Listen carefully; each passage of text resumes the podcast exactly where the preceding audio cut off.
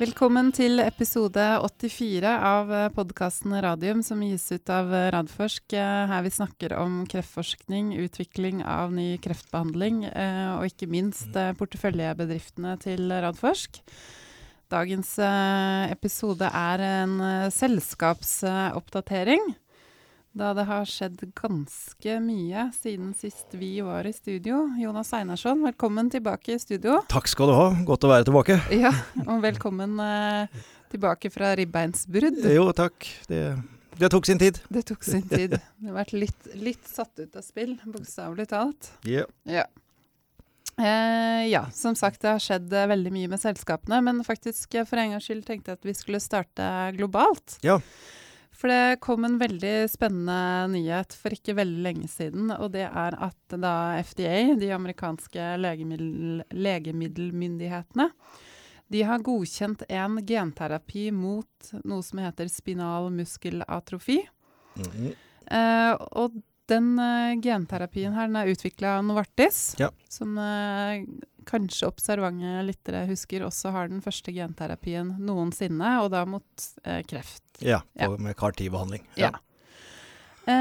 og dette har Jeg vet ikke hvordan, om det har gått sin seiersgang verden rundt, men i hvert fall den nyheten her har gått rimelig viralt. Og jeg tror nok at mye av årsaken til det er prisen. Ja. For da Novartis har faktisk gått ut med prisen. Det er jo ikke alltid disse legemiddelselskapene gjør det.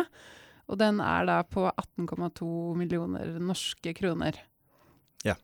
Hva, hva er din take på denne nyheten her? Eh, min take er først og fremst at dette er jo utrolig gode nyheter for uh, familiene, pårørende og disse små pasientene. Ja. Eh, fordi dette ser ut til å faktisk kurere de. I og med at selv om ikke jeg kan teknologien som sådan, så bruker de en det de kaller for viral transaksjon. Altså de, de, gjør en genmanipulering hvor de bytter ut Dette er en sykdom som skyldes én genmutasjon. Ja. og en det, sånn enkeltpunktmutasjon, ja, er det ikke det man kaller det? Og det vet vi at der kan vi lykkes. Med, med, en sånn direkte behandling. Mm. Uh, og det er jo gjort uh, eksperimentelt og, og med, med, sånne små kliniske studier og sånn tidligere, men dette er da første gangen det har kommet helt fram til godkjenning. Mm. Dette er jo barn som i dag får en svært dyr behandling over mange år. Men allikevel nærmest får en utsettelse, mer enn at de blir, blir kurert. Uh, og, og den, denne gangen så er det én behandling, én behandling, og så, så, får vi se, da. Altså, alt skulle jo tilsi at den skal vare egentlig livet ut, men, mm. men det vet vi jo ikke enda. Men det er jo en revolusjonerende ny behandling, og så er det klart at det er jo utrolig mye penger. Eh, som dette koster. Eh, og når du vet at eh, i, i, Norge spesielt, så er det alt som begynner å nærme seg en million, får de problemer med å, å, godkjenne. I hvert fall skal det opp i Beslutningsforum når ja, det, det, det er hvert fall sikkert. kommer på en million. Så det blir en utfordring da om de er med på disse regnestykkene som kommer fram. Fordi mm. de Altså man gir behandlingen én gang, og, og hvis man ser i forhold til eh, kost-nytte, hvor lenge disse pasientene forhåpentligvis altså blir friske og lever, uh, lever, et godt liv, kontra også det det koster å behandle mm. eh, i dag. Eh, så vidt jeg har sett, så er det opptil ti år de behandler, og denne summen her er jo da du vil operere med tall som 50% av det det egentlig koster i dag. Men, men det er som den pillas verdi, da, at man faktisk betaler 18 millioner kroner for en behandling. Mm. Uh, så jeg tror det kommer til å skape store utfordringer for systemet, som jo ikke har hatt denne type behandling før. At du gjør én behandling, og så gjør du pasienten frisk. Så jeg ser ikke frem til, men det blir spennende å se hvordan dette blir behandla i Norge. Nå skal først da EMEA ja. eh, godkjenne, for dette er en FDA, ja, for det er en FDA-godkjenning. Mm. Eh, men eh, det skal mye til for at EMEA For EMEA ser ikke på pris, og det gjør ikke FDA heller. De, de ser på er dette trygt, er det, er det fordel for pasienten. Mm. Eh, og om det er trygt, det vet ikke jeg, men det vil jeg jo tro da, at de har gjort uh, studier uh, på dette. Hvor mye studier som er gjort, det vet jeg heller ikke. Det, Nei. Det blir også veldig spennende å grave litt i. altså hvor, Jeg kan ikke se, se for meg at jeg i hvert fall har gjort noen randomiserte studier her. Eh, det måtte være eventuelt at de har eh, gjort noen sammenligninger historisk data mot, eh, med dagens standard of care, vil jeg tro. Mm. Men vi får grave litt mer i det. Så kan vi, kanskje få en fra Novartis sitt senere og fortelle litt mer om det. Mm. Eh, og dette her med genterapi, vi har så vidt vært innom om det før. altså Det er jo noe som virkelig kommer nå. Ja. Uh, og det er derfor vi skal ha en egen podkast om det under Arendalsuka sammen med Bioteknologirådet og Kreftforeningen. Ja. Uh, men Kreftforeningen og Biotekrådet har allerede et uh, frokostmøte om genterapi og kreft eh, 11.6, for de Ja. som har lyst til å gå og høre på det. Høre på Sigrid Bratli, som er veldig eh, dyktig innenfor det området her og har en god oversikt. Ja, det er, eh, er Bioteknologirådet med, med Sigrid Bratli og, og Ole Johan Borge har, spiller jo en svært viktig rolle i å få denne debatten nå på det rette nivået. Og se det fra kunnskapsnivået. Ja, og ikke minst det rette Ja. kunnskapsnivået, for de er kunnskapsrike, De er altså. Det er, eh, kunnskap. så det, det, hvis man er interessert i, i genterapi og fremtidens kreftbehandling innenfor det, Mm. Eh, for det er liksom Vi, vi snakker veldig mye immunterapi i, i podkasten. Eh, og når vi også snakker om TCR-behandling og selskap som Celuna, så snakker vi også om immunterapi. Men det er jo genterapi. Mm. Der tar du jo ut noe fra pasienten, manipulerer det med, med egentlig litt samme teknologien som Novartis har brukt eh, her. Mm. Eh, så genterapi og immunterapi smelter jo også litt eh, over i hverandre. Mm. Så det er veldig, veldig spennende felt. og det kommer tilbake til ASKO, men eh, ja. det blir nok en del diskusjon rundt dette i, i Chicago. Ja, det blir, Det det har det, ja. blir spennende å høre når det kommer tilbake. Jeg tenkte vi kan også ta en, eh, ta en bokanbefaling i den eh, forbindelse. Det er en veldig dyktig medisinsk genetiker på Oslo universitetssykehus som heter Dag Unnlien. Og han skriver veldig gode populærvitenskapelige Mm. bøker. Og han har akkurat kommet ut med en bok, eller akkurat, jeg tror jeg er halvt år siden jeg kjøpte den, eh, som heter 'Dine geniale gener'. Og der uh, har de faktisk et kapittel om genterapi, så det ble første gang prøvd ut på et menneske i 1999. Ja. Så det er ikke lenge siden. Nei, dette Og da gikk det ikke bra. det gikk si det sånn. ikke bra med den Nei. pasienten. Nei. Uh, og det er det. altså Vi er, eh, vi er inne i, i minefelt så det holder her, og, og, og tukle med, med genmateriale. Det er noe man skal ha respekt for. Mm. Uh, og det, vi har jo sett at det som du, du sier der, kan, kan gå, gå gærent. Men hvis man klarer å få det til, så er det jo utrolig besnærende istedenfor å behandle symptomene av sykdommen, så behandler du roten til eh, sykdommen. Det er jo forskjellen her. Tenker liksom oppsiden. Når, hvis man da virkelig får det til, sånn som her da, med en punktmutasjon, hvor du tar ut den ene genet som er, er sykt, på en måte, og så Mm. bytter du ut med det et funksjonelt gen, og, og det fungerer. Og det, altså barn overlever på grunn av Ja. det. Ja, Det er vel strengt tatt noen aminosyrer du bytter ut. ja ok. Det er, eh, det, og som gir, gir, gir så Ja, nei, altså, som, som jo er altså, Ja. Ja. Aminosyrer er jo Mm. bygge, byggestedene i, i genene. Og det, det er som regel når det er en mutasjon, så er de satt sammen litt gærent. Du kommer i litt gæren rekkefølge. Ja. Og så bytter, bytter du rekkefølgen, og så er du frisk. Det Mm. er ganske, ganske utrolig. Um, men apropos Biotekrådet, apropos nyheter, der, der ble vi ganske lei oss i går. Ja. Ja, For de skal bli flyttet fra Oslo til uh, Bergen. Ja. Og det stiller vi oss vel egentlig helt uforstående til. Ja, ikke noe galt sagt om eh, Bergen, jeg har mange gode, gode, gode venner der. Men, men eh, akkurat hovedfeltet i dette, dette er jo en blanding av både fag og politikk, ikke minst. Og det er nå sånn at Stortinget ligger i Oslo. Mm. Syns Og, de, og de største forsknings- og Ja. kunnskapsinstitusjonene innenfor livsvitenskap og biotek ligger også i Oslo. Ja. Og det er Ja. veldig mye spennende som foregår i Bergen òg, men hvorfor ikke de kan da ha en avdeling i Bergen og en i Oslo, det Ja. Sånn, sånn er nå politikken. Mm. Det som jeg tenker er veldig trist, altså de flytter jo, flytter jo et råd med kanskje en syv-åtte ansatte. Ja. Eh, og det er ikke sikkert at de kommer til å følge, følge med videre. Det vil si jeg vet at Sigrid Bratli ikke kommer til Ja. å gjøre det. Eh, og, så det gjør jo noe med det kunnskapsmiljøet og, og hvordan man driver debatten og, og den kompetanseutviklinga i, i samfunnet.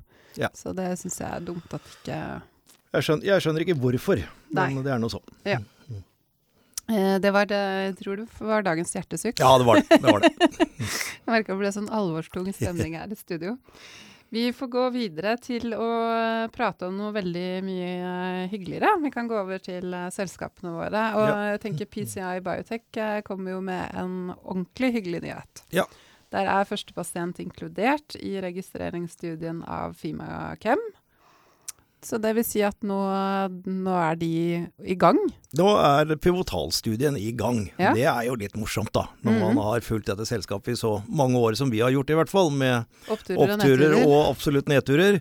eh, Og da virkelig være i gang med en registreringsstudie. Nå er vi liksom eh, Nå er vi der at eh, vi har gått gjennom alt det nitty-gritty red tape og papirarbeidet og myndigheter og regulatoriske. Lagt løpet, eh, vet at det skal være en interimavlesning, vet at hvis den er eh, god nok, så kan man, eh, kan man søke approval, markedsføringstillatelse ut ifra det. Og da er det de harde data, facts og statistikk som, som gjelder. Og, vi vet jo veldig godt av erfaring at det å komme i gang med en såpass avansert studie som dette, det tar tid. Det Mm. er, og dette har jo har jo flere, bl.a. Eduardo eh, Bravo i, i Nordic Nanovektor, prøvd å være tydelig og forklare hvor mye hurdles man skal igjennom før man liksom har den første pasienten inne. Eh, Men når det kommer, så er vi jo vanligvis så ser vi da en skikkelig ketsjup-effekt da. At da, da kommer pasientene relativt greit inn. Mm. Så det er, det er en milepæl. Det er klart det er det. Veldig, veldig gøy at, eh, at man har eh, kommet i gang det. Og så syns jeg de hadde skrevet en veldig god melding. Vi har jo kritisert de, og jeg vet også at en del aksjonærene har kritisert de noen ganger for at de er litt utydelige når de skriver pressemeldinger. Så jeg må berømme de for at de Ja, skrev, var- skrev en veldig god og tydelig eh, Ja. melding. Ja. Eh, god forklaring på alt hva de skal gjøre videre med denne release-studien, som, de, som de også kaller den. Men uh, vi, vi har fått uh, spørsmål fra et par av lytterne våre på nettopp um, PCI, så jeg tenker vi skal ta det med en gang. Bare bla litt i papirene. Eh, for det er i hvert fall to, sikkert mange flere obs observa observante lyttere som har sett at du har vært og skrevet på et forum. Ja, ikke så ofte jeg gjør det. Det blir veldig internt, men altså det finnes jo en del sånne diskusjonsforum Ja. Hvor man diskuterer selskapene og nyheter og, og sånt noe. Og, og hva, hva er det dere har diskutert her da, vedrørende altså jeg- PCI Biotech? Jeg leser uh, mesteparten av det som kommer på disse foraene. Rett og slett fordi at jeg har lyst til å få et overblikk om hva er det folk lurer på, hva er det de diskuterer. Er det noe vi skal plukke opp og, og si noe om uh, her? Og, og også videreformidle det til selskapene. Uh, som jeg, jeg snakker jo veldig ofte med disse, disse i selskapene. Eh, og i dette tilfellet så var det en eh, som hadde gravd fram en eh, artikkel. Og jeg fant senere ut at det var to, to artikler fra den samme gruppen som hadde studert gallegangskreft. Og det de påpekte der, det var at det har ikke vært noe etablert gradering av pasientene hvis de blir regna som inoperable, altså at de ikke blir operert. Det har vært bare delt inn i enten så lar de seg operere, så lar de seg ikke operere. Og disse studiene som PCI da har sammenlignet seg med eh, tidligere, den er SCAP er ikke den studien heter, men i hvert fall den studien de har, har brukt, der har de sammenlignet med, med pasienter totalt, altså de som er eh, inoperable. Og så mener de, disse artikkelforfatterne at de har nå laget et godt graderingssystem som har en del kriterier som går på tumorstørrelse, med eller uten eh, metastaser, lokalmetastaser, fjernmetastaser. eh, og deler da inn, som vi ofte gjør, i fire stadier. Mm. Eh, og Hvor da grad fire, da er det, det er veldig alvorlig, er det Grad sånn? fire er fjernmetastaser, Ja. rett og slett. Mm. Da, uavhengig av tumorstørrelse. Da er det fjernmetastaser og forferdelig dårlig prognose. Ja. Eh, og så er det tumorstørrelsen eh, som teller, og det eneste vi vet noe om disse kriteriene fra PCI-studiene, er jo nettopp tumorstørrelse, hvor de jo påpekte at i den extension-studien så var det 8 cm i, i snitt, som eh, jo er eh, det lengste du kommer i stadium 3 eh, før du eventuelt får fjernmetastase hvor de sier stadium 4. Jeg tror ikke at noen av pasientene til PCI har vært i stadium 4, altså har fjernmetastaser. Eh, Hvis man ikke da definerer levermetastaser som fjernmetastaser, men det tror jeg ikke de gjør. Så det er en del sånn litt usikkerhet i forhold til PCI-dataene. Mm. Men, men hvis man nå sier at eh, i hvert fall i extension-studien, eh, og kanskje en del av pasientene i den opprinnelige også, lå i stadium 3, Eh, så er den prognosen mye dårligere eh, for de pasientene og en medium overall survival som er lavere enn den de sammenligner seg med. Eh, de bruker jo 11 til 12 måneder, mm. og det er hele sekken. Men hvis du går på stadium 3, så er du, hvis jeg husker disse tallene riktig, ned på 5,6 måneder eller noe sånt nå. Ja, nettopp.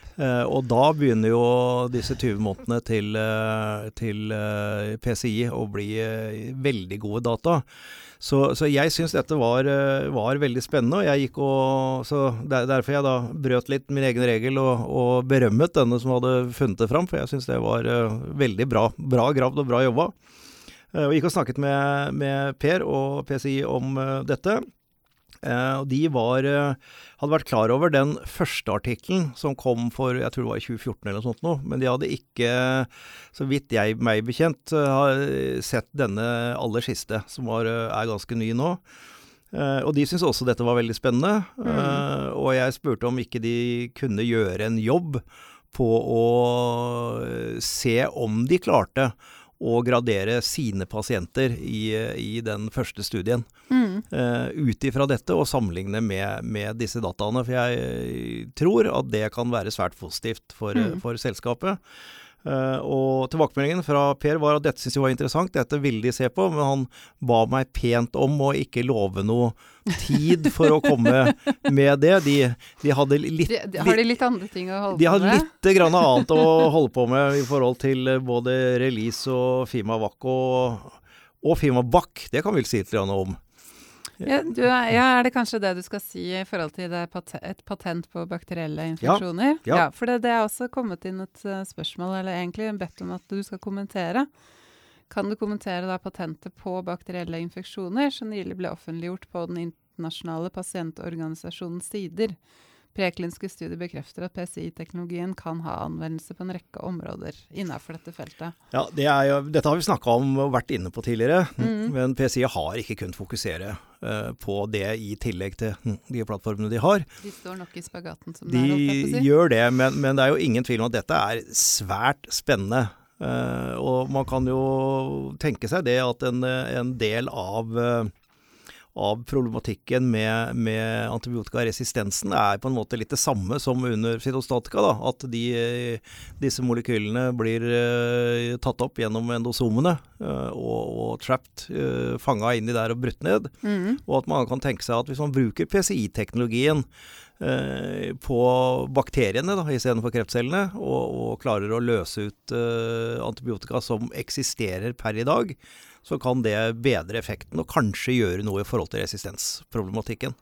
Det er jo helt uh, utrolig. Ja, det er det. Er det. Uh, og spennende at de har uh, fått såpass gode prekliniske data at de nå har da sendte den patentsøknaden. Sånn jeg forstår det, så er ikke dette en godkjent patent, Nei. men den har gått igjennom granskningen. Eh, og skal nå da gå ut til de enkelte land eh, for å se på det. Eh, men det som har skjedd innen på patentsiden de senere årene, det er noen år siden nå, det er jo at tidligere så ble bare patentet var gått, gått gjennom i form av at man så at det er en viss oppfinnerhøyde og, og nyhetsverdi. Og så ble selve granskningen gjort etterpå. Men nå er det sånn at det gjøres en granskning i dette året det tar å behandle den. Sånn at det er en anbefaling som ligger til bunn. Så det, det, at et patent nå blir offentliggjort som pending patent, er sterkere, da. Mm. Signal om at det kan bli, bli et patent. Mm. Uh, så det, det, er jo godt mulig at dette, dette, blir et patent. Og så er det masse spørsmål videre. Uh, er, skyldes resistensen uh, det det ikke, at det blir fanga i endosomet, eller er det andre ting som gjør at uh, bakterien har klart å beskytte seg? Da vil jo ikke dette hjelpe, hvis de i utgangspunktet er resistente uh, mot den, det, det antibiotiket. Men, men uh, det gjenstår å se. Og så er det dette med lys. lokalt. hvordan skal man gjøre det? Hvordan får man til å lyse der hvor bakteriene er, for de er vel overalt? Eller kan man tenke seg at dette f.eks. kan brukes i, i, på sånn type eh, stafylokokk i Århus, altså de, disse, disse, kjøttetende bakteriene, mm. som da er lokalt ett sted, og at man kan tenke seg at man kan bruke krem med antibiotika eller noe tilsvarende og så lyse på det såret. Ma masse spørsmål og fryktelig lang vei å gå. Men, men sånn rent vitenskapelig så er jo dette svært spennende. Og i tillegg til kreft så er jo antibiotikaresistens kanskje den største utfordringen vi står overfor. Mm. innen, innen, medisinen nå. Ja, og så ikke minst en utfordring som vil få store implikasjoner hvis man ikke løser det for kreft. Veldig, for da veldig, kan ja. jo da kreftpasienter risikere at man nettopp dør av en antibiotika, eller dør pga. infeksjon fordi antibiotikaen ikke virker. Ja. ja. Nei, så det er, det er, det er, det er veldig, veldig, spennende. Så jeg eh, er vel blitt såpass mye rundt dette nå at de PCI bør vel kanskje vurdere å ha ha føre opp Fima Bakk i sin portefølje. Vi, vi, får se hva de gjør. Spennende ja. er det i hvert fall. Så bra. Um, vi kan gå videre til uh, Targovax. Ja. Uh, de har uh, kommet ut med to, to pressemeldinger som vi skal diskutere. Jeg tenker at vi skal begynne med tre års overlevelsesdataene på vaksinene TG01, som da har vært brukt mot bukspyttkjertelkreft. Ja. Eh, kan ikke du kommentere litt den, eh, de dataene som de jo, har kommet med der? Det skal jeg gjerne gjøre. Når vi startet uh, eh, TG01-studien i, i, sin tid, så var jo målsetningen uh, å se på TOX, altså bivirkningsprofilen. Uh, se på immunresponser, mm. som vi begynte med allerede i tidlig fase. Og vi har jo sett nå etter hvert at det er kanskje noe av det viktigste vi måler når vi bruker immunterapi, det er å se på hva, hva skjer med, med disse T-cellene. Eh, og det som skjedde med den Også selvfølgelig at man, man, ønsker å se litt på effekt også. Selv om dette er eh, små studier og ikke randomiserte, så har man jo historiske tall å sammenligne med. Mm. Eh, og i den første kohorten, eller altså første delen av det, så fikk man én utfordring med at man fikk noen allergiske reaksjoner. Eh, sånn at i den neste kohorten så gjorde man litt endringer i vaksine Eller i doseringen av vaksiner. Uh, og istedenfor å vaksinere hele tiden til å begynne med, så vaksinerte man da ikke mens de fikk kjemoterapi.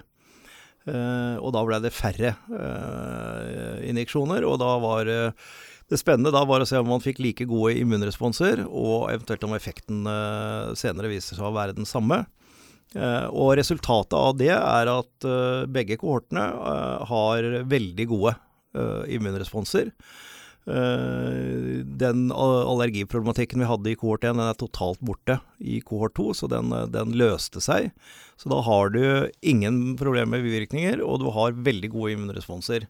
Og så er det da disse, disse tre års overlevelsesdataene. Vi hadde jo det på kohort 1 Eh, ble jo meldt i fjor, men da bare to år på kohort 2. Nå er det kohort 3 på alle. Eh, og dataene er eh, minst like gode for totalsummen av alle disse. Det betyr at de dataene man hadde sist på kohort 1, de var bra. spesielt sammenlignet da med, med gemcitabin og cisplatin, som er, er standard of care. Eh, men veldig få pasienter. Nå er det flere pasienter, og dataene er like gode. Mm. Og da er det sterkere data. Mm. Eh, så det, det, er, det, er, bra. Så vi har egentlig så er resultatene av den studien er som forventet. Du har en i forhold til eh, det som var standardbehandling da. Og er det i stort sett i dag også, selv om noen får Folfirinox, Folfironox, så får fortsatt de aller fleste denne behandlingen er en god økning i, eh, i eh, medium overall survival. Og det i den desidert vanskeligste, en av de desidert vanskeligste indikasjonene vi har. Og med, med vaksinen som monoimmunterapi. Mm. Og vi vet jo at det er ingen som kommer til å fortsette med det fremover. Alt kommer til å være kombinasjoner. Så da burde alt ligge til rette for at dette kan finne sin plass i behandlingen av uh, pankreaskreft. Eh, spesielt da i kombinasjoner. Og det var det jo eh, Targovak sa at de skulle gjøre sammen med Parker Institute og CRA for en stund siden. Eh, som jeg sa, og mener fortsatt, at det er en veldig god kvalitetsstempel fra et sånt miljø som Parker, at de ønsker å prøve ut dette. Så, så alt i alt så var dette sånn check. Uh, ja, vi fikk de resultatene vi, vi hadde håpet på. Mm. Uh, og så visste vi jo uh, at det ikke ville bli noen stor studie i operabel pankreaskancer i regi av Torgovax, for det sa de i juni i fjor. At med Folfirinox så måtte man kanskje lage tre armer, med, en, med sammenlignet med de som bare fikk gemcitabincisplatin, og så mot Folfirinox, og så vaksine. Altså en veldig stor og lang studie som et selskap som Targovax ikke har anledning til å gjøre. Og det, det sa de allerede i fjor, men så kom da det med Parker, og da tenker man jo at da er det inn på spor ok, da, da, er det den veien det går med å, å utvikle den videre. Eh, selskapet har ikke så god kontroll på det, eh, i og med at det er ikke de som skal kjøre studien og skal levere eh, TG01 til eh, studien. Uh, og, og, da kommer vi vel til pressemelding to? Og så går det, går det, fem minutter. Ja. Ikke at jeg rakk å tenke alt dette på fem minutter, men, men, eh, det, det, var noe i etter, ettertid Det var noe sånn jeg tenkte. og så går det fem minutter, og så kommer da pressemeldingen to, som presiserer at de ikke skal satse på denne plattformen. Uh, og, og, det overraska meg stort. Altså de, det at de ikke skulle kjøre den videre i egen regi, det hadde de allerede sagt for et år siden, så det var jo ikke noe nytt i forhold til det. Uh, og på denne Q&A-en som de hadde på denne Facebook-webkasten uh, senere på dagen, så ble Øystein Saug spurt om om hva Parker nå sa til dette. Mm. Uh, og da sier han at de hadde ikke snakket med Parker.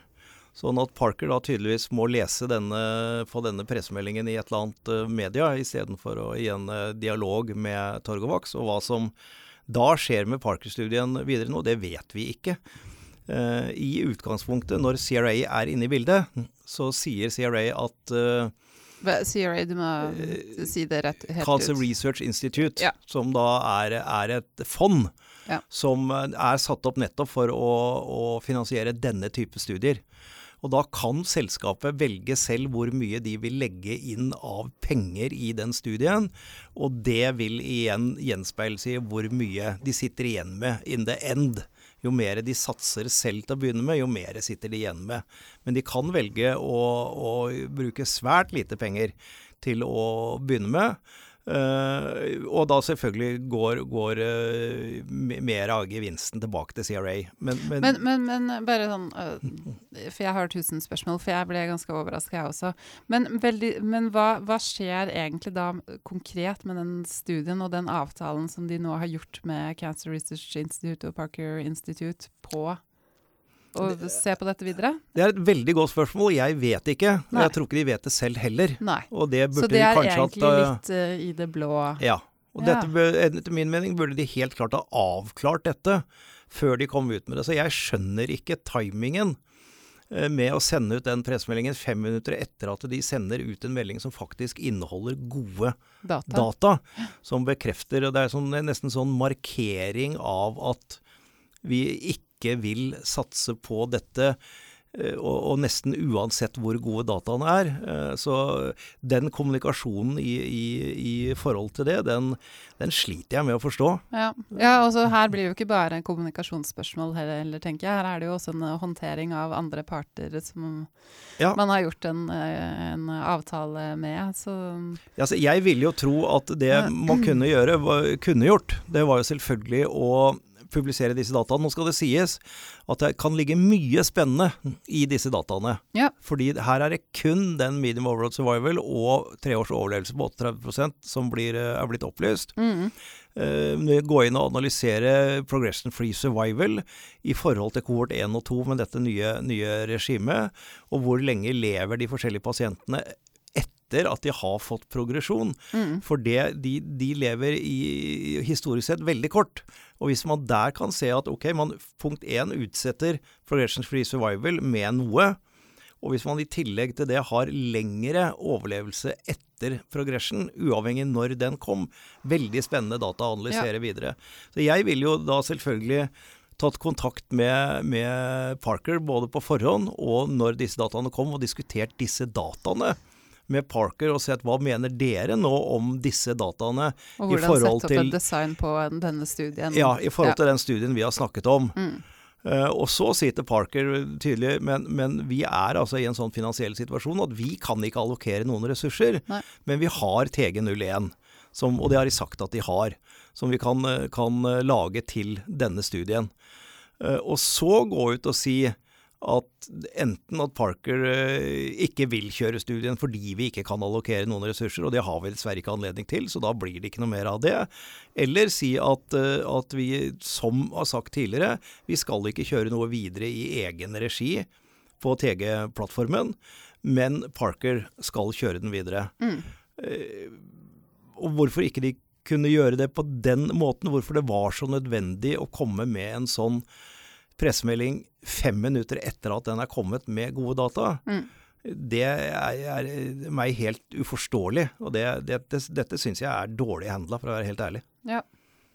Eh, vi har selvfølgelig fått inn noen kommentarer eh, fra, fra, lytterne om det også. Jeg skal bare kjapt se på om det var noe annet. Jeg tror egentlig det vi har snakket om nå, oppsummerte det vi har fått av, av kommentarer. Det er ganske greit.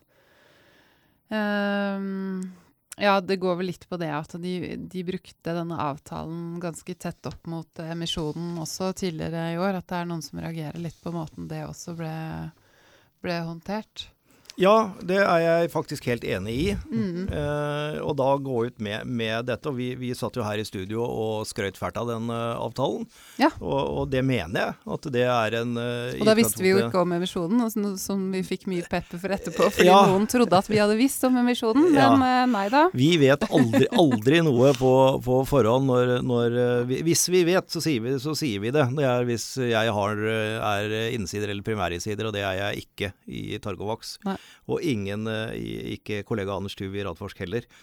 Så, så vi, vi, visste ikke det. Eh, og, og, en sånn strategisk beslutning om at man overhodet ikke skal satse på den plattformen, eh, kan jo ikke ha kommet over dagen. Nei. Så, så, jeg skjønner godt ja, at aksjonærer er, er både overraska og, og reagerer på den måten dette er gjort på.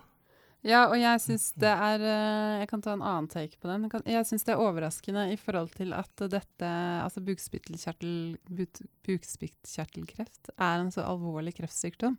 Hvor man da ikke har fått noen bedre behandling på si 40, 40 år. Ja. Og dødeligheten er så ekstremt uh, høy. Ja.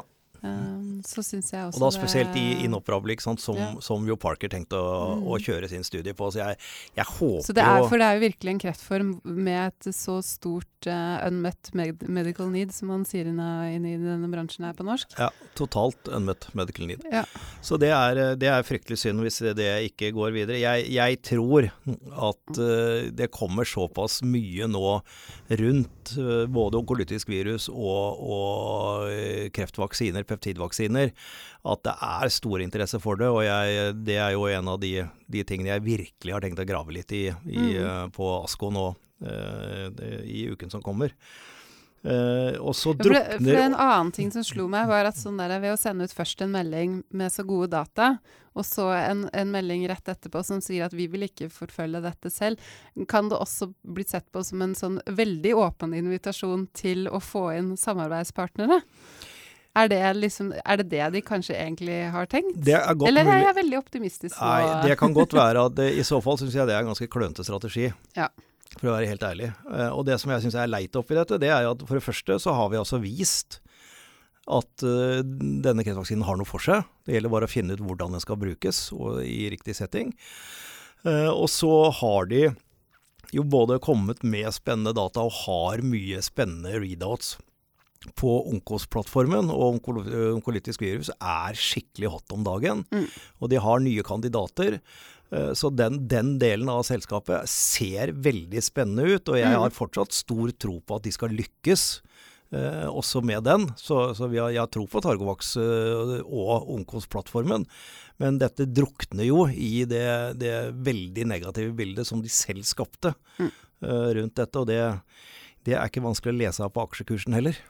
Nei. Jeg vet ikke hva den er på nå. Jeg. Går Fire vel, et eller annet. Ja, det var vel den var i, i går også. Uh, ja. Vi skravler og vi skravler, eh, Jonas. Vi ja. må gå, gå, litt videre. Vi har enda flere spennende selskaper, vet du. Eh, Nordic Nanovektor. Ja. Ja, de har eh, da gått ut med at de går videre med doseringen i Archer 1-studien. Der de tester ut betalutin i kombinasjon med cellegiften, altså rituximab. Det betyr at den eh, dosen de har kommet opp i nå, den er passert. Mhm. Uh, ikke noe eh, Ingen bivirkningsproblematikk. Vi har jo ikke sett noe data ennå. Jeg går jo ut ifra at de har litt fall i blodplater der også, men da innenfor, godt innafor det som er akseptert. Eh, og da er å teste ut den siste dosen, som vel er 15 megabecquerel, så vidt jeg husker. Gikk Hvis du ser på meg, så ser jeg tilbake 10 på deg, for jeg husker 15. ikke sånne detaljer. De skal i hvert fall opp, de skal ikke lenger enn dette. Dette er den siste.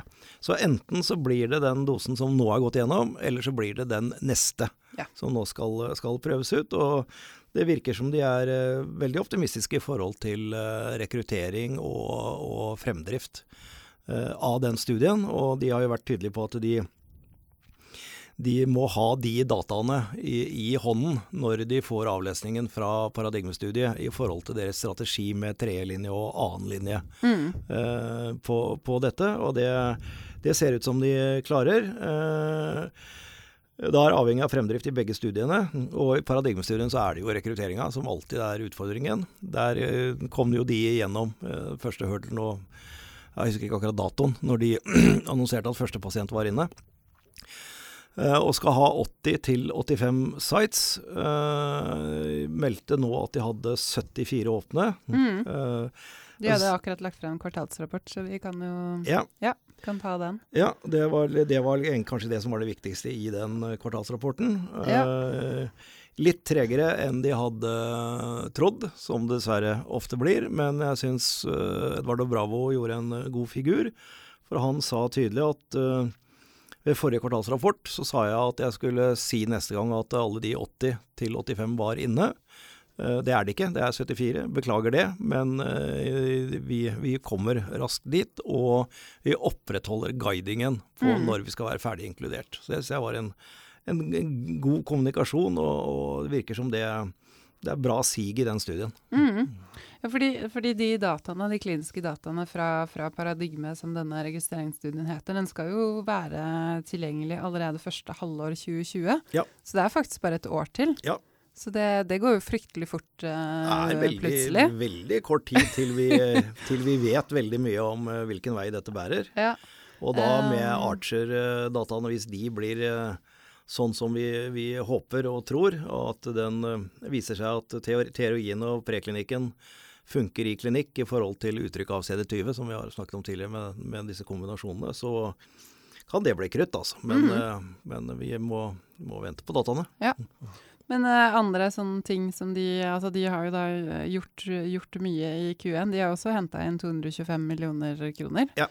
Uh, og de forbereder seg jo nå voldsomt på, på det kommersialiseringsløpet som de da Ja. går, eh, går inn i. Um, Og de, de pengene de hentet inn nå, de var, var jo veldig tydelige på, det var for å skru opp både tempoet og kvaliteten på det som vi kaller for CMC, altså det å få produsert eh, det ferdige produktet, mm, og ha alt med distribusjon eh, klart, og bygger opp denne kompetansen på IFE.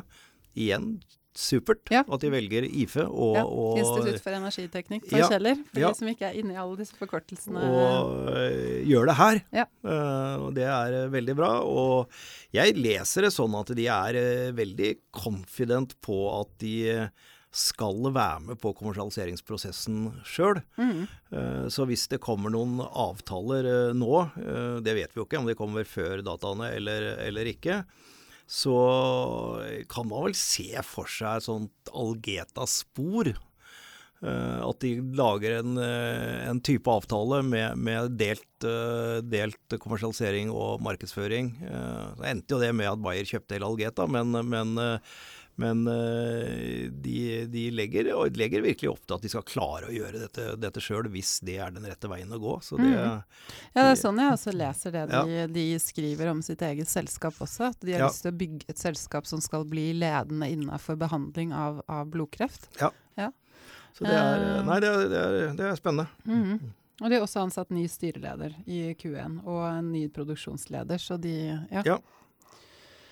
Det er, eh, det er, full fart i Nordic Nanovektor. Det er det ingen tvil om.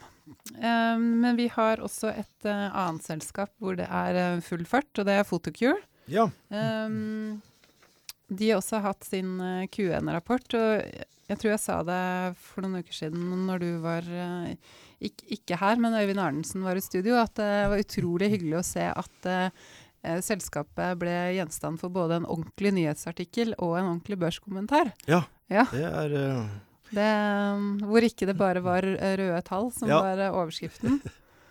Så, um, så det, jeg, jeg, tenker liksom, det, det med Fotokur også er jo at det virker som det går, det går på skinner. Ja, jeg syns uh, Dan Schneider har uh, gjort en uh, fremragende jobb med, med det selskapet. Og, og, det er ingen tvil om at det er Nå er det launching, spesielt da i, i USA. Uh, og han har jo prøvd å forklare veldig greit og tydelig hva på en måte dette her er uh, som har skjedd siden 2018, når de, de fikk orden på refusjonen igjen. Det var egentlig det som var omstarten for Fotokur. og fra da og frem til i dag, med å få på plass en permanent refusjon, med å få Surveillance og fleksiskop i gang, Eh, og med å få fortgang i utplasseringen av eh, rigide skop og veldig veldig mye oppmerksomhet både i fagmiljøene og, og også generelt i, i eh, USA. Mm. Så håper man selvfølgelig at ting skal gå fortere enn det de gjør alltid. Men, men, jeg syns de er, ligger veldig godt, godt an nå, og, og, jeg har vanskelig for å se at ikke det blir en suksess. Altså. Mm. Ja, og så liker jeg også det at han er så framoverlent. Altså de, de, ønsker nå at, at dette skal, altså Heksvik-Stussvik skal bli standardbehandling av blærekreftpasienter i verden. Ja. Eh, og også sånn som han sa i den eh, Q1-rapporten, så forklarte han jo at nettopp fordi dette er, kanskje er et litt komplekst system, så har de jo ikke egentlig noen eh, konkurrenter.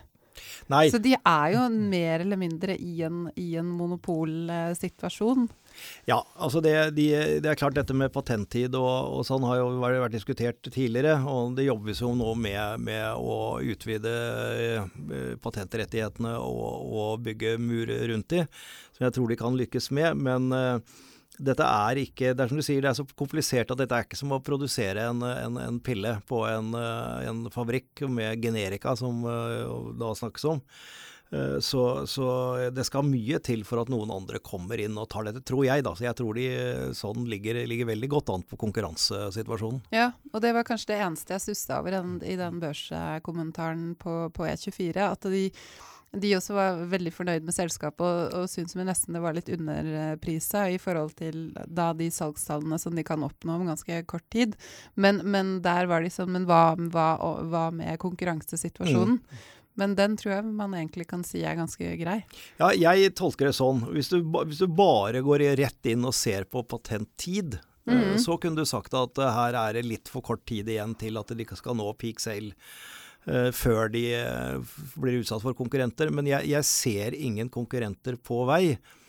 og så dukker det stadig opp spørsmål. Jeg får en del spørsmål om det når det kommer nye ting angående blodprøver eller andre analyser Eh, til å stille diagnosen, eh, og om det er en utfordring eller en konkurrent til, eh, mm. til Fotokur. Og det er det jo slettes ikke. Det er jo helt omvendt.